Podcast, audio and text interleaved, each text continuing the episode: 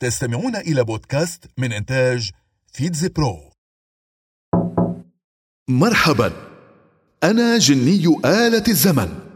سآخذك في ثلاث رحلات. رحلات في شتى البلاد. حدثت فيها أحداث في مثل هذا اليوم بالذات.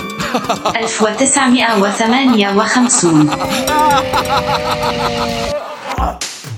هلو أنا الإدارة الوطنية للملاحة الجوية والفضاء. أعرف اختصارا بناسا وأنا وكالة فضاء أمريكية رائدة. في مثل هذا اليوم تم إنشائي لمنافسة الاتحاد السوفيتي على الاستكشافات الفضائية. تقدر تكلفة تمويلي سنويا بستة عشر مليار دولار أمريكي.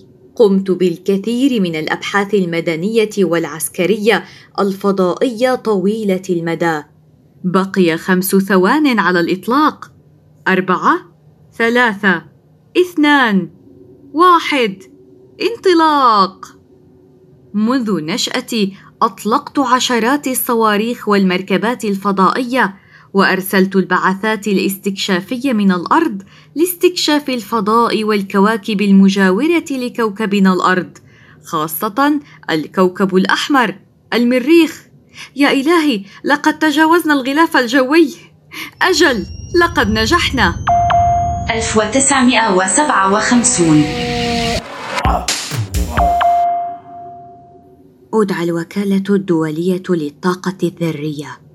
في مثل هذا اليوم تأسست وأنا منظمة غير حكومية مستقلة أعمل تحت إشراف الأمم المتحدة ومسؤوليتي تحقيق السلام والأمن الدوليين.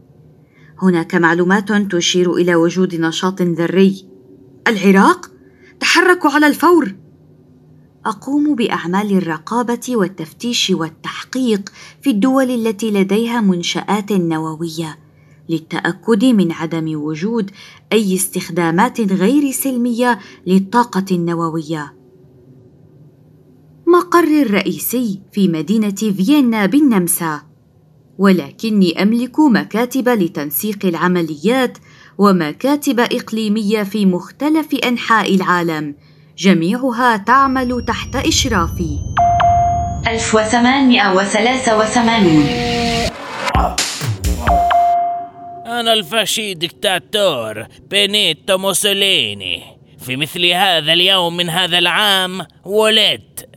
وكنت أحد مؤسسي الحركة الفاشية في إيطاليا. ها سيعرف الجميع ذلك. القرن العشرون. هو قرن الفاشية.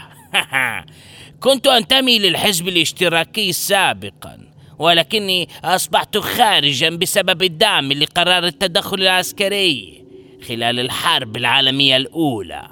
ثم أصبحت قائدا للحزب الفاشي الإيطالي. لقبت بالقائد. وسرعان ما أصبحت ذو سلطة ونفوذ كبير. اقتلوه! كانت هذه أسهل الكلمات على لساني. تخلصت من جميع معارضيني في البلاد وأصبحت مصدر الرعب للكثيرين. فرضت سلطتي على إيطاليا وضعت قوانيني التي حولت فيها إيطاليا إلى دولة ديكتاتورية ذات حزب واحد. العودة إلى الواقع.